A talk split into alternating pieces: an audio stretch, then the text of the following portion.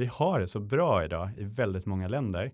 Så att det, det är liksom lyckan är den kicken som vi behöver. Vi behöver de här kickarna hela tiden och det är därför vi har det bättre än någonsin men självmordstalen ökar. Alltså det finns ju en anledning till det.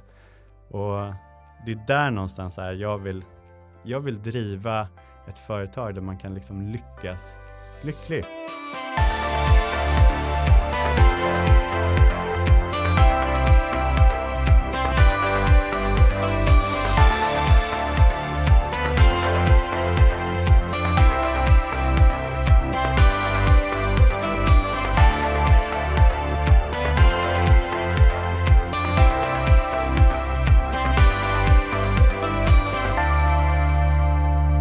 Varmt välkommen till Stjärnkällarpodden. Idag gästas vi av Mattias Härenstam.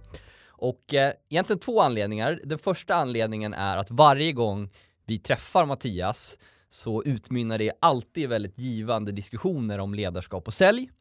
Eh, och den andra anledningen är att han har gjort en väldigt imponerande karriär som säljare och som chef i olika roller och numera VD på företaget Jobzone. Eh, varmt välkommen till Stjärnkällarpodden Mattias Härenstam. Tack. Välkommen! Jag, jag känner att jag växte typ en meter. ja men det gör du rätt i. Välförtjänt i sådana fall. Ja. I synnerhet, alltså den första delen känner jag till bättre, diskussionerna jag haft med dig och, och Filip. Mm. De alltid har varit väldigt fruktsamma och det är därför du sitter här idag och förväntningarna är skyhöga. Ja verkligen, du får ju Ja. lovord från alla möjliga håll. Ja, men det som är spännande, jag är ju väldigt så här, äh, lite så här ensamvarg, reflekterar väldigt mycket. Så jag har ju mycket tankar, men jag är också så här, när jag tänkt klart, drar ju inte mig för att berätta det för hela min omgivning heller. Så det är en så här spännande balans. Det är nog det som har gjort framgång i säljet också hela tiden. Lyssna först. Ja. Ja Hur- men då har vi hur mår alltså samma skola. Jag mår bra. Jag mår väl, väldigt bra. Jag har precis varit nere i Göteborg.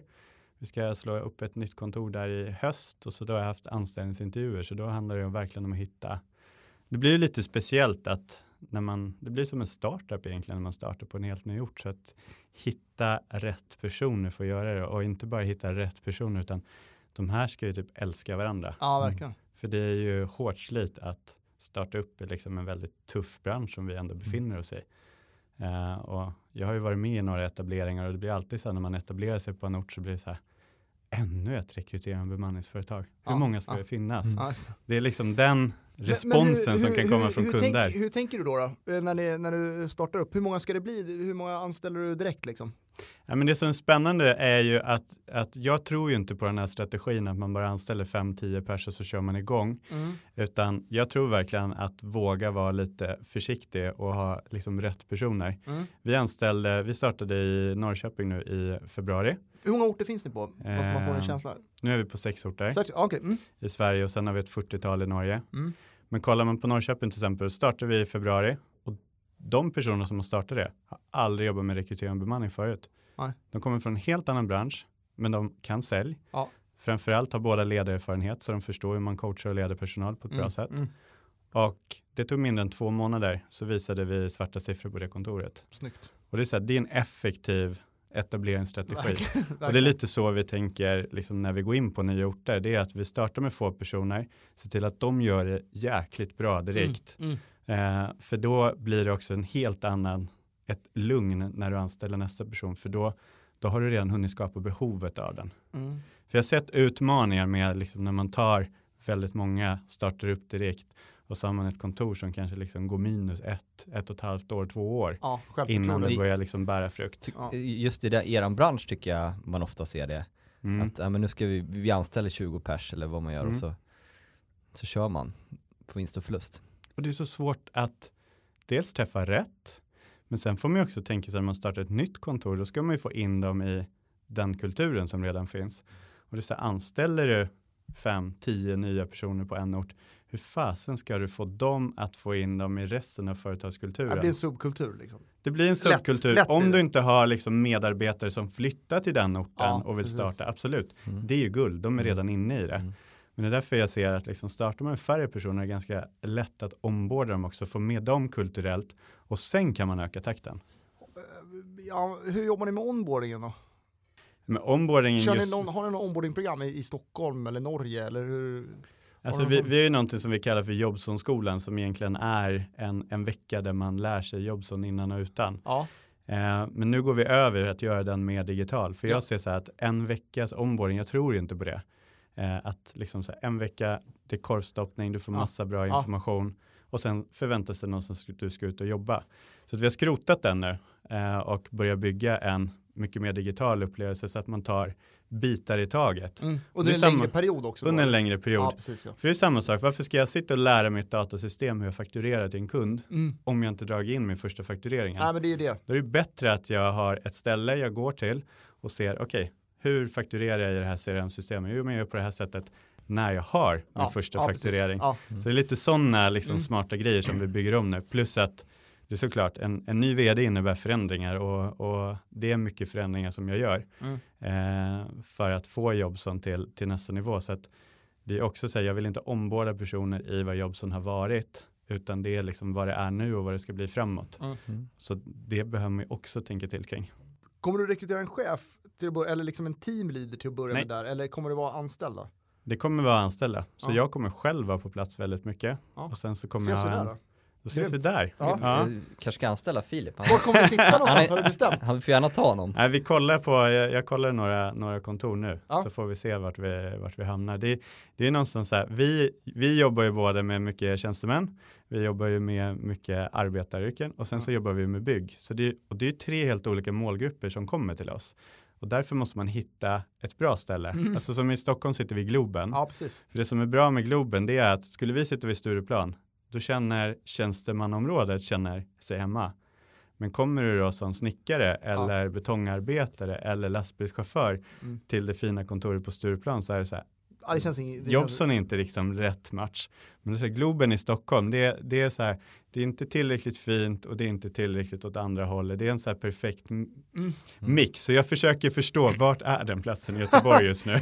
Ja. Fråga inte Filip. Nej, nej, precis. Så Nej, att, det är ju, vad spännande. Så att, eh, men det, det finns eh, ett par punkter vi gärna skulle diskutera med Ja. dig och liksom höra din synvinkel på. Mm. Eh, och eh, em, glädje och att ha kul på jobbet, då tänker jag lite på, på dig utifrån vad det jag har, se, har sett och hört och även det vi har pratat om tidigare. Och nu är du ny som, som vd på ett Mm. bolag. Mm. Hur tänker du kring hur man kan bygga en kultur där man har kul på jobbet? Mm. Men jag, här, i, I grunden så handlar det väldigt mycket om vilka värderingar som man sätter i bolaget. Det är ju någonstans grunden för om man ska kunna ha kul. Det blir så här, vad, vad tillåter de värderingarna? Men, men hela det här med att ha kul på jobbet har varit väldigt viktigt för mig och, och någonstans så här, vi kommer också skapa mycket eh, kring det på, på Jobson. För vår vision är att ha världens lyckligaste medarbetare. Och då kan man så här tycka att ja, men det låter väl lite pretentiöst och vad är egentligen Mm. lycka och så vidare.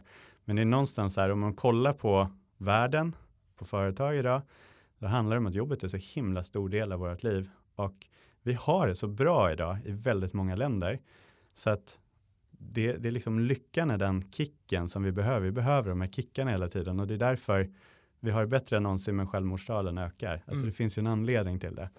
Och det är där någonstans här jag vill, jag vill driva ett företag där man kan liksom lyckas lycklig och gör det väldigt praktiskt. Och jag tror att det är ganska enkelt att skapa det. Alltså det handlar ju om att få alla att känna sig värdefulla, varför de är där. Mm. Det handlar om att alla ska känna att det är meningsfullt att gå till sitt jobb varje dag.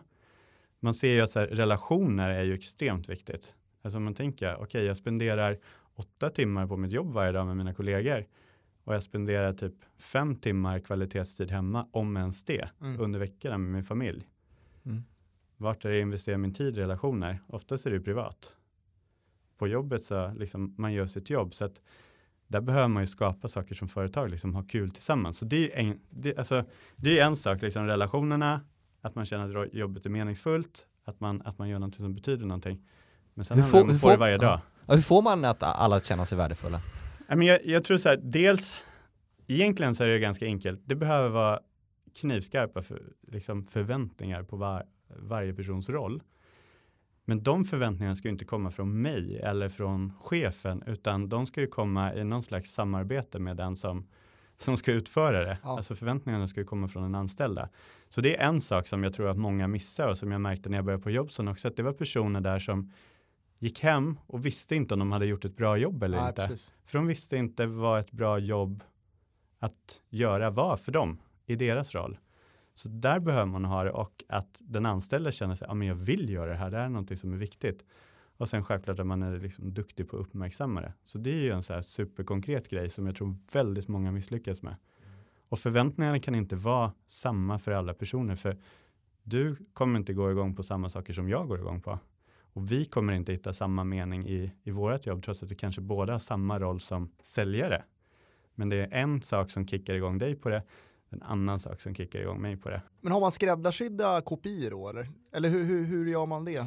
Ja, alltså för, för, för mig handlar det om att vi sätter väldigt tydliga så här, prestationsutvecklingsplaner för Ja. varje medarbetare. Och det är ju självklart, det linjerar ju med företagets mål, Mm. men sen handlar det liksom ner på individerna. Men i de här så är det ju inte bara hårda kopior, utan där är våra värderingar med också. Ja. Hur man bedömer dem. Så det, är, det är egentligen grunden som vi, som vi sätter just nu. Mm, För det, mm. jag känner att det har varit otydligt för många roller. Och det är också så här, man kan inte ha samma KPI för en säljare som har jobbat ett år som har jobbat i fem år. Nej, det måste finnas en skillnad. Man kan inte Mm. bara säga så här, du ska utföra x antal möten varje, varje dag, varje vecka, varje månad oavsett din erfarenhet. Man måste anpassa det. Mm, mm. Och framförallt så, det ska ju Rätt mötetal ska ju få dig till nästa nivå och få, ditt, få dig att tycka att ditt jobb fortsätter att vara roligt. Mm. Inte att det blir så här monotont och du känner att fan, ja, jag har hört den där siffran förut. Nu Mm. tjatar de igen. Mm. Det får det är aldrig så bli jävla spännande där med senioritet och kopior alltså. Ja, Alltså det, det är snarare att ju mer seniora desto hårdare kopior behöver de. Mer micromanagement, nästan. eh, För att, ibland för att för så- att de har kommit så långt ifrån det att de behöver en revival på det igen känner jag. ja. Eh, Och det, det man märker, så här, men säg, säg våran bransch, eller alla branscher kan bygga upp någon form av stock. Vi bygger ju upp att vi har konsulter ute, Mm. medarbetare uthyrda. Och de kontrakten löper ju ett x antal månader eller kanske år. Och då blir det någonstans så här, då får ju du traditionellt sett en provision för de här, vilket gör att du kan köra hårt några månader och sen kan du ha ganska gott ett år på det du körde hårt med. Sen Ja. kommer en smäll någon gång. Men eh, det, det är just att se till att den här smällen i så fall aldrig kommer för en medarbetare, utan då kanske man behöver mäta hur, okay, hur många nya uppdrag har du dragit Mm, in nu? precis, Inte ja. bara så här, hur många du har. Nej, men jag, för jag kan uppleva att eh, många gånger när en senior person vill avfärda att de ska jobba med KPIer så ligger det ofta någon form av alltså, bekvämlighetsfaktor i det. Eh, och att en, en chef inte vågar utmana det. Nej. Sen kanske inte det handlar om att personen i fråga ska lyfta telefonen eller, eh, eh, men att man kanske ändå måste näta, mäta som du nämner nya, nya kontakter eller, eller på ett eller annat sätt. Mm.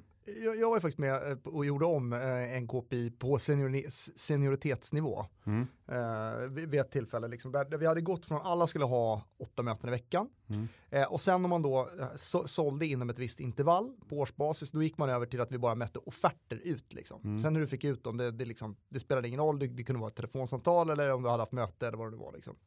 Eh, men om du hade kommit över en, en, en viss summa till då, de som var Mm. liksom, stjärnor på pappret eller sålde mest, de mättes bara på pengarna. Mm. Eh, och, och det där tyckte ju alla seniorer var svinskönt till början. Liksom. Nu behöver det inte mötas på möten längre. Nej. Shit vad skönt alltså. Eh, men det som hände på många, det Mm. var ju just att man blev lite latare, eh, man, man gjorde liksom inte grundjobbet. Och det där slutade med liksom att vi fick gå tillbaka till att liksom alla skulle åtta möten igen. Mm. Det var en jävligt, det var ingen lyckad satsning. Man kunde säkert Nej. gjort otroligt mycket bättre saker i, i det där. Eh, de skulle såklart haft en, det som du en prestationsplan. Det gjordes inte per individ. Nej. Det var vissa chefer som lyckades göra Ja, men det. någon det tror annan jag- form av eller eh, substitut till den eh, KPIn. Ja, men det var det, då, då blev det så himla mycket upp till den, eh, den ansvariga chefen att eh, sätta det med medarbetare. Det blev, det blev en utmaning just i det här fallet då. Mm. Att, Men jag liksom, tror- det lathet liksom. Jag tror så här, att, att sätta en minimi, miniminivå som företag, det är superviktigt. Ja, Att någonstans ha så här, för det är någonstans en riktlinje för vad ska krävas för att jobba här. Men det handlar ju om är miniminivån målet för den anställda. För jag menar, det är ingen idé för mig att kommunicera åtta möten om jag har en som är superduktig och gör 16 möten. Nej. Om det funkar för den personen och det görs med kvalitet och så vidare så ska ju den personens mål ligga på en annan nivå. Ja. Och det är där jag tror så här, som säljchef, det är många som tar den enkla vägen och sätter samma ja, ja visst. Nej, men det var, mät, det var, ja, mätetal för alla. Ja. Eh, men samtidigt så här, man måste ju hålla, Ja, men jag tror att det är en uppe också. bekvämlighetsfaktor också som du är inne på. Liksom. ja. Ehm, så att, eh, ja. Men sen och just framförallt, det är enkelt att mäta alla på samma sätt. Och liksom Ja. det är här i tabellen. Och så här, ja. men sen är det också så här, det jag kan känna i det, alltså den förändring som hela cellbranschen genomgår nu. Så jag har ju varit med i ett företag där man körde stenhårt liksom på pickups, man mätte det och så vidare. Ja. Eh, jobbade eh, med det synsättet och då börjar vi liksom gå över till att ja, men vi, vi kör mer fokus liksom på genomförda möten. Ja. För det är det det handlar om. Ja. Och sen, eh, sen så märker jag när jag inte har jobbat med dem längre, där är tillbaks till liksom pickups, mäter det varje dag. Och för mig är det någonstans så här, tänker man på det sättet så är det många säljare som man kommer tappa. För för mig handlar det inte om att det är att du ska ringa alla hela tiden, utan för mig handlar det om hur många konversationer du i så fall skapar. Mm. Och en konversation kan du skapa på så många olika sätt. Du kan ringa, du kan mejla, du kan använda LinkedIn eller Ja. sociala medier, Ja, du kan vara ute och nätverka. Hå- håller helt och, det, och det är där man måste hitta, ja, men vad, vad tycker, jag ska inte tvinga dig att jobba med LinkedIn, vill säga om du känner så här, ja, men jag har andra områden just nu som jag är mycket bättre på som funkar. Mm.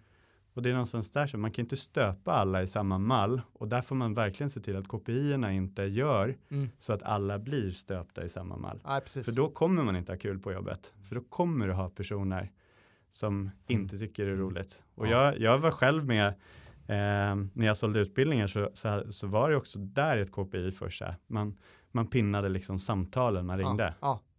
Och jag säger, jag kommer utklassa de här målen. Men jag kommer inte göra det på det här sättet. För jag hatar att ringa. Och jag har ju alltid, jag har ju aldrig ringt som säljare. Det är ju liksom min största hemlighet. Men som, som jag gärna berättar för, som jag gärna berättar för människor också, för att det är så många som tänker att sälj, ja då, då är, handlar det om att liksom ringa, ringa på telefon varje dag. Och jag tror så här, ja jag hade nog blivit sjukt mycket bättre om jag också hade varit duktig på att ringa. Men tack vare att jag inte har gillat det så har jag valt andra strategier. Mm. Mycket mail då att- eller? Mycket mail, LinkedIn mycket? LinkedIn Ja. och mycket så här, alltså när jag, är- när jag nätverkar så är det inte så att jag nätverkar med 20 personer. Utan jag kanske pratar med två personer som jag får lite djupare samtal med, som jag någonstans lär känna, Ja. som, ska, som jag skapar en relation med. Och det blir ju direkt möten. Så istället för att jag liksom 20 stycken att ringa, sen så har jag redan bokat in två stycken därifrån som jag har. Men sen också väldigt mycket, men, alltså klassiskt referenser. Jag har alltid, alltid varenda möte, jag alltid frågat så här, ja men du, Filip, vilka andra känner du som just nu är liksom framgångsrika säljutbildare och jobbar med, Mm. med mycket konsultföretag som jag skulle kunna prata med. Vi vill också berätta om vår eh, samarbetspartner Qualifier som vi jobbar med för att ja, men på ett automatiserat och smart sätt fylla på med leads helt Ja, enkelt. Boka det, möten. det är ett AI-prospekteringsverktyg där vi ställer in de kriterier på de beslutsfattare vi vill träffa.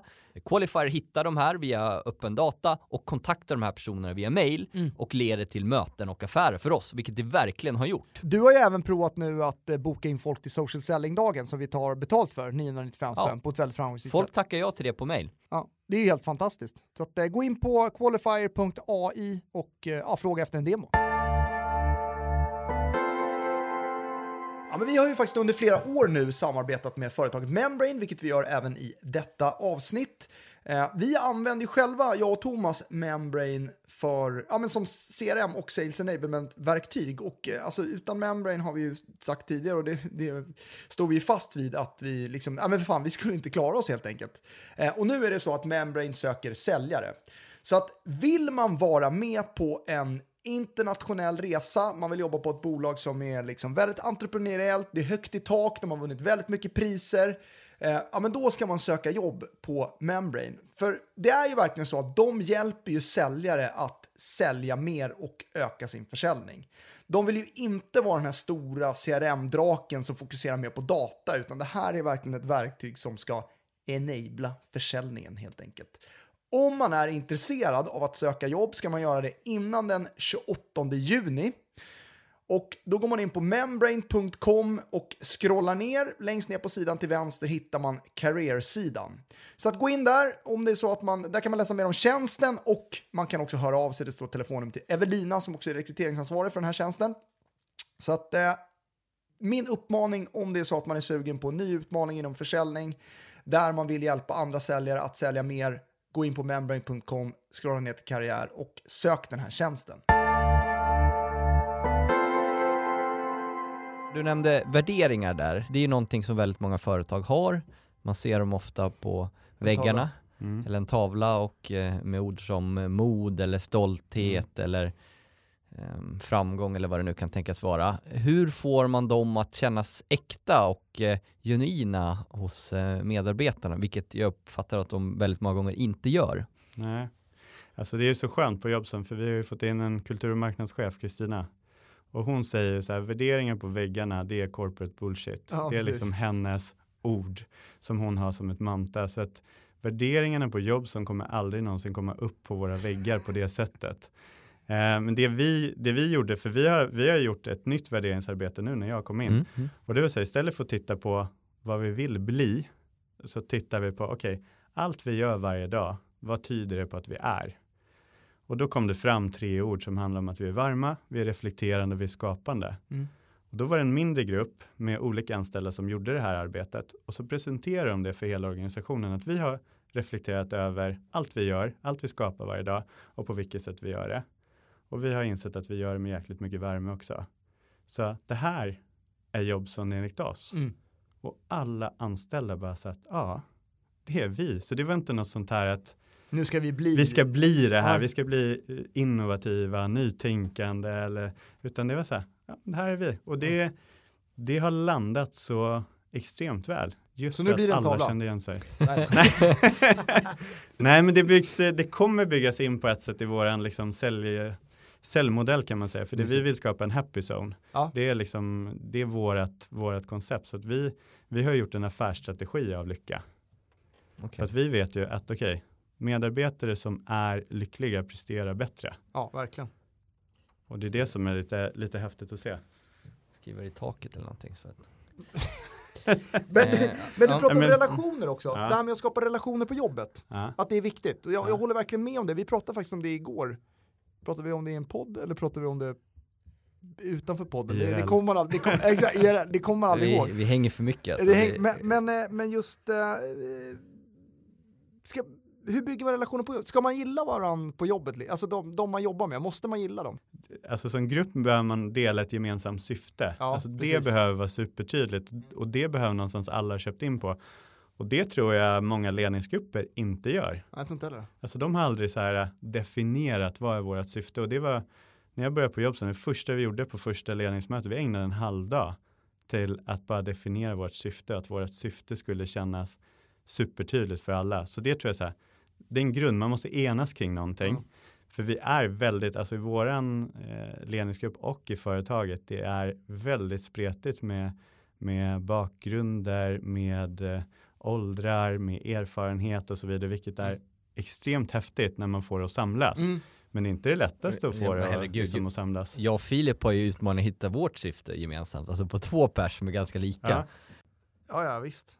Men, men då är syftet då? Men, men syftet, liksom, syftet är en grund, men sen tror jag så här, ja men vi kommer, alla kommer inte vilja umgås på fritiden med varandra. Nej. Och det är inte det man behöver göra, men någonstans så här, för att få en grupp att prestera sjukt bra så behöver man ju förstå vad är varje persons styrkor Ja. Och skapa prestigelösheten och också våga ta hjälp. Ja.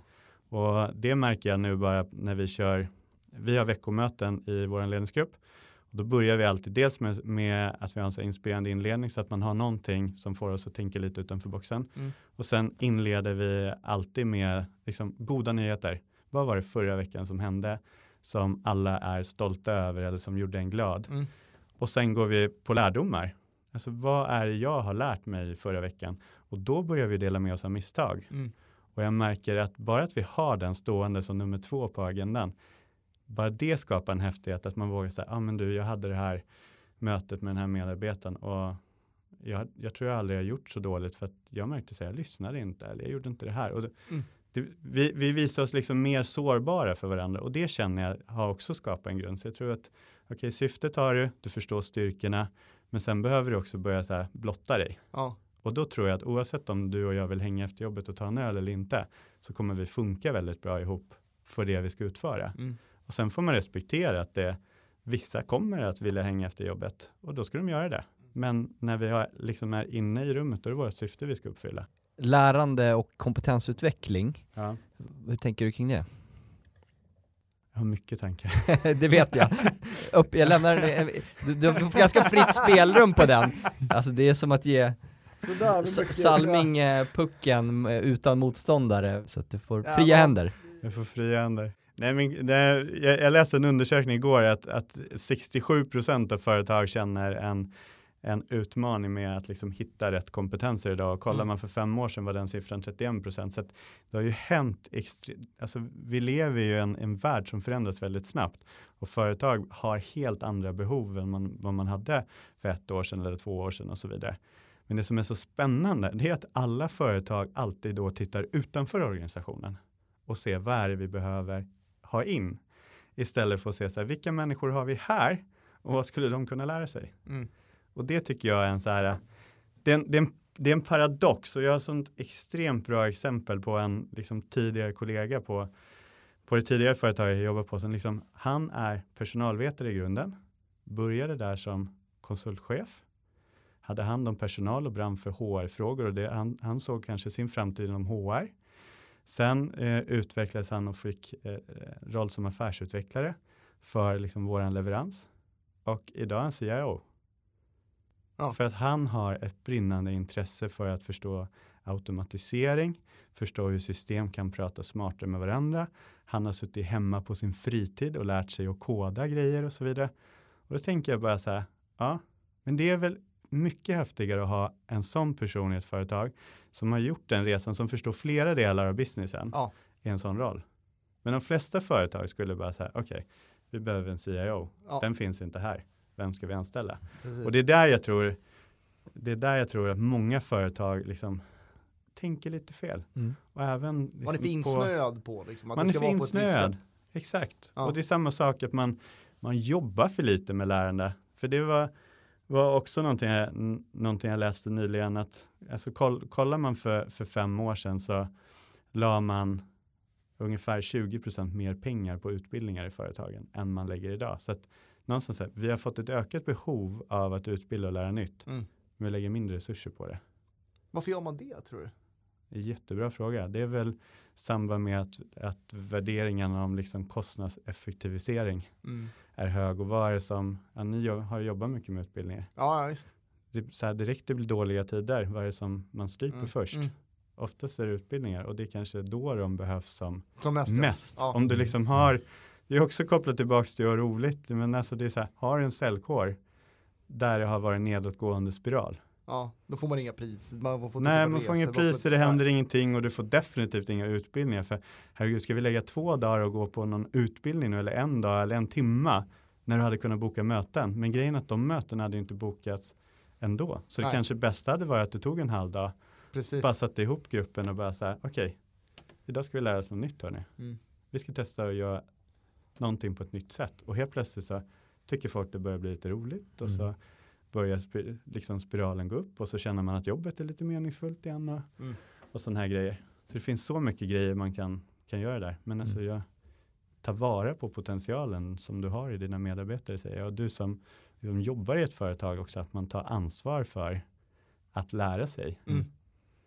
För det, det finns en siffra också på att nästan 40% av det jag kan nu kommer behöva bytas ut om liksom tre år. Alltså jag kommer behöva lära, fylla på med någonting helt annat än vad jag sitter med idag. Det är bara som, som vd jobbar du väldigt brett. Och jag hade ju aldrig tänkt att jag sitter och pratar integrationer och API och Nej. förstår det på djupet. Det hade jag aldrig tänkt i min Mm. vildaste fantasi. Men det krävs för mig då. Mm. För det är en så viktig del i vårt företag och då kan jag inte bara ha en IT-chef som ska förstå det. Nej. Utan jag som är med och fattar strategiska beslut för företaget måste också förstå sådana saker i detalj. Mm. Och det är, så här, det är en kompetensutveckling. Vilka, vilken roll ser du Filip att du skulle kunna kliva in i? Jättebra fråga. IT.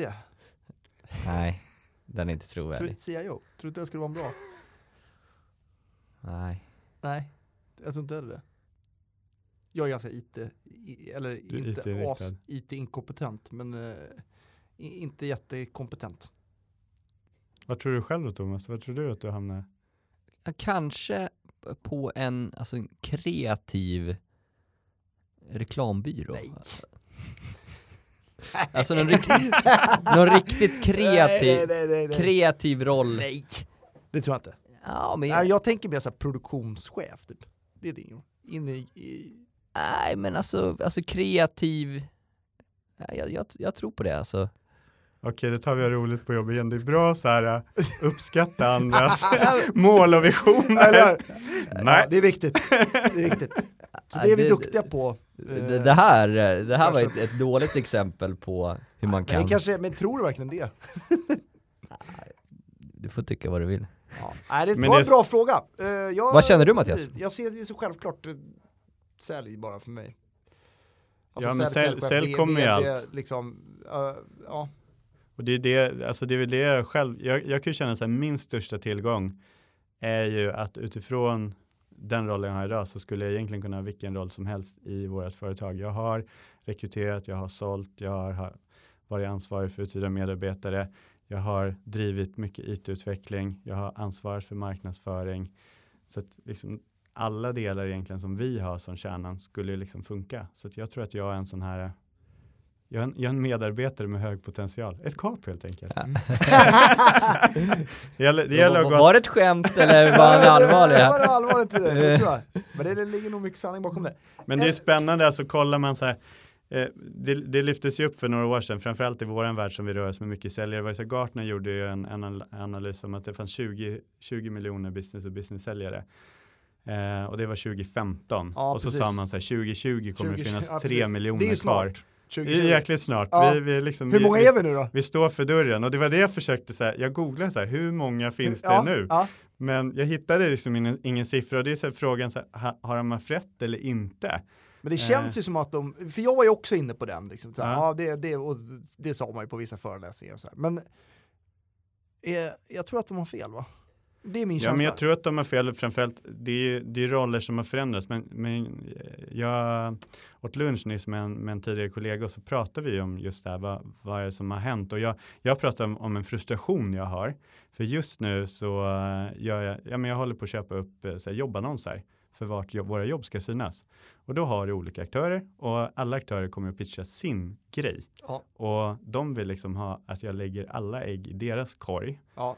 Men det jag skulle vilja, det är att de säger så här, okej Mattias, jag förstår, du har x antal pengar, säg att du har 100, 100 spänn.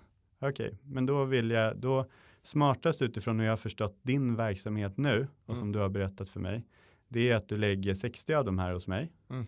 på de här rollerna, för det här kommer ge dig bäst resultat. Mm. Och sen tror jag de här andra 40, det ska du fördela mellan två andra aktörer som är mycket starkare än oss på det området, Ja. nämligen X och Y. Men ingen av de här leverantörerna gör på det sättet. Och det är ju det jag tror, alltså man pratar lärande och vart, vart säljrollen är på väg. Men det kommer inte vara okej att fortsätta jobba på det sättet, utan nej, jag har ju gjort, jag har ju sett hela deras erbjudanden på deras hemsida. Jag har läst, läst på innan utan Mm, att försökt mm, förstå mm, dem. mm. Så jag vill ju bara ha ett bollplank. Alltså jag vill säga, du, du kan ju annonsvärlden bäst, då vill jag snacka med dig om det. Ja, precis. Och det, Exakt. Det tror jag så här, så att jag tror säkert att det är vissa roller som kanske redan har bytt titlar, Ja. men jag tror att den här omställningen har gått betydligt trögare Det, det tror jag också. än vad Gartner Ja. trodde. Ja. Ja, men vi, och vi vill ju se oss själva, vi pratade ju om det om här med avsnittet om som digitala nomader. Men det är Ja, viktigt då att kunna ändå ha en, en plats dit man kan komma när man verkligen vill jobba effektivt och ha trevliga och bra möten. Och därför känns det jättekul att få samarbeta med Convendum. Ja, Convendum är ju i vårt tycke Sveriges kanske mest inspirerade coworking space. och eh, både du och jag är ju genuint frälsta över att ha suttit där nu ett par veckor. Man kliver in där, frukostbuffé varje dag, härliga kollegor, jag gillar ju minglet. Ja, exakt. Man kan kliva in på väldigt många ställen också nu. Slussen öppnade ju eh, precis här nyligen också.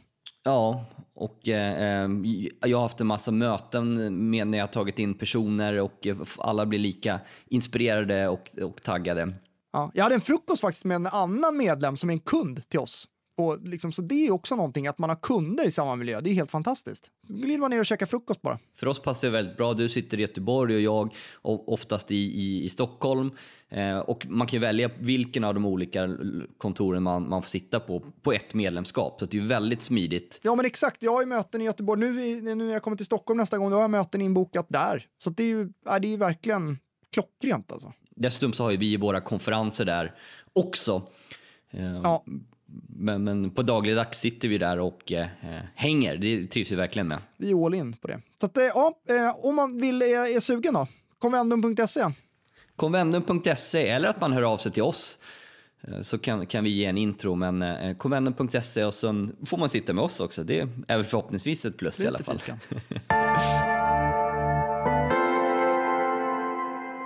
Eh, ja, men vi, vi kommer från en värld där ehm, vi har jobbat mycket med individuell provision- provision. Mm. Och ehm, vi har jobbat med individuell provision men sen har vi haft mycket så här gruppincitament, så här resor Mm. som man, som man gör ihop. Liksom. Ja, men teamet har fått den här budgeten, klarar man den som team då får man åka på den här resan. Mm. Eh, och sådär. Så det har funnits liksom element av teambaserade mål eh, men det har inte varit liksom direkt pengar i plånboken. Ehm, och, och det finns ju för, alltså en del fördelar med individuell produktion, men det finns också ganska många nackdelar. Eh, och jag vet att du har liksom, eh, men bra tankar kring med det här, alltså provision och om den bör vara teambaserad och hur fan man ska jobba med den. Mm. Eh, ska man ju ha provision överhuvudtaget eller ska man ha högre fast lön och så här? Vad, vad, vad, vad tänker du där? Men så det är, dels har jag jobbat i så många år själv och testat på olika system och dels så ser jag här, vi hjälper ju jättemycket kunder att rekrytera säljare Ja, precis. och jag ser så vad är det som har hänt under de åren jag har varit i den här branschen? Jo, det är att kraven blir bara lägre och lägre på vilka man rekryterar för att de enda du får tag på det är juniora personer Ja, och speciellt i våran bransch, rekrytering och bemanningsbranschen, så kan jag säga så här, det är många HR-chefer som blir glad när de får träffa en lite mer senior person, för de är van att det är någon som kommer direkt från plugget, Ja. har börjat jobba på ett rekryteringsbemanningsföretag och ut och säljer. Ja. Och det är för att många har liksom väldigt låg grundlön och då som erfaren går du inte in på det. Nej. Så att du, du tappar ju väldigt mycket mångfald och du träff, tappar väldigt många bra personer om du liksom håller dig till den strategin, liksom mm. låg, låg grundlön, grundlön, hög höga provision. provisioner. Ja, Då har man ju förlorat väldigt många. ja. Så det är liksom en sak. Mm. Men sen tror jag också så det man får i åtanke, det är vart är vi som företag idag? Jag, jag läste faktiskt en, eh, man hade gjort en avhandling på Göteborgs universitet, det var ett försäkringsbolag som hade bytt från en dag till en annan, från att ha liksom provision till att de körde helt fast lön. Ja. Och det fanns ju en del lärdom, det var inte bara positivt, för de hade egentligen gått till liksom mer meningsfullhet i det. Att Mm. Istället för att det handlar om att jag ska kränga försäkringen till dig handlar det om att istället måla upp varför du behöver de här försäkringarna och förstå din värld. Mm. Så att de började sprida väldigt mycket exempel på kunder som har haft försäkringar. Det har hänt någonting och hur de har blivit hjälpta. Mm. Så de fick mycket mer så här syftestyrning. Man pratar om meningsfullhet är viktigt. Ja, precis. Men det man såg där, det var ju så här, ja men man gjorde det från en dag till en annan, så vad hände? Jo, man, hade, man höjde de fasta lönerna lite grann, men sen framf- och det man gjorde i höjningen, det var att man räknade ut snittprovisionen på alla, Ja, och så gjorde man den höjningen, men så gav man den till alla. ja, Och då blir det någonstans så här, om då har varit toppresterare, ja. och så får du någonstans snittet som alla andra lägger på. Alltså jag skulle inte ha jobbat kvar. Nej. Jag skulle ha varit missnöjd. Så att man behöver ju också så tänka va- vart befinner vi oss och va, vilken modell passar bäst för oss. Men jag tror ju, jag tror ju att ett företag mår bäst av att våga ge, ha lönen som incitamentsystem. Och det är ju det, när vi har de här prestationsutvecklingsplanerna, då blir det ju någonstans att kom, om du kommer i januari och vi har löneförhandling och du är missnöjd och jag säger att men tyvärr så, så det, det är det här som jag bedömer din prestation då har vi i alla fall något konstruktivt vi kan prata om för då kan vi sätta att okej, okay, men vad är det du behöver förändra eller utveckla för att du ska nå den nivån du vill till nästa gång vi sitter här. Mm. Och jag tycker många säljorganisationer, grundlönen, den pratar man ju aldrig om. Nej. Utan det är bara en liksom dagsformsgrej efter provisionerna. Så, så det är ett ganska viktigt så här, styrinstrument tycker jag som har försvunnit i många branscher. Mm.